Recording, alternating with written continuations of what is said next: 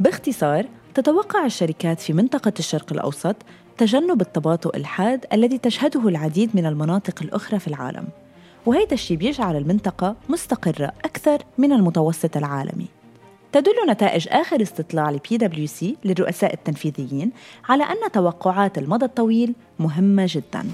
حيث أن تركيز قادة الأعمال في المنطقة عم بيكون على ضمان مرونة أعمالهم لتواجه التقلبات الاقتصادية والجيوسياسية العالمية والمخاوف حول قابلية بقاء أعمالهم على المدى الطويل.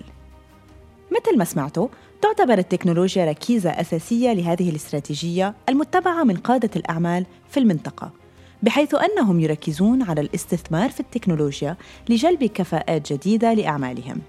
وهيدا الشيء بيؤدي إلى فتح فرص جديدة مركزة على عقلية الاستدامة الحديثة. رغم الأوقات الصعبة للاقتصاد العالمي يركز الرؤساء التنفيذيون في المنطقة على التوجيه المستمر في سنة 2023 وهيدا الشيء بيعطينا لمحة ملموسة عن كيفية تعاملهم مع تحديات الأشهر والسنوات المقبلة في ظل الاقتصادات التي يعملون فيها. شكرا لاستماعكم.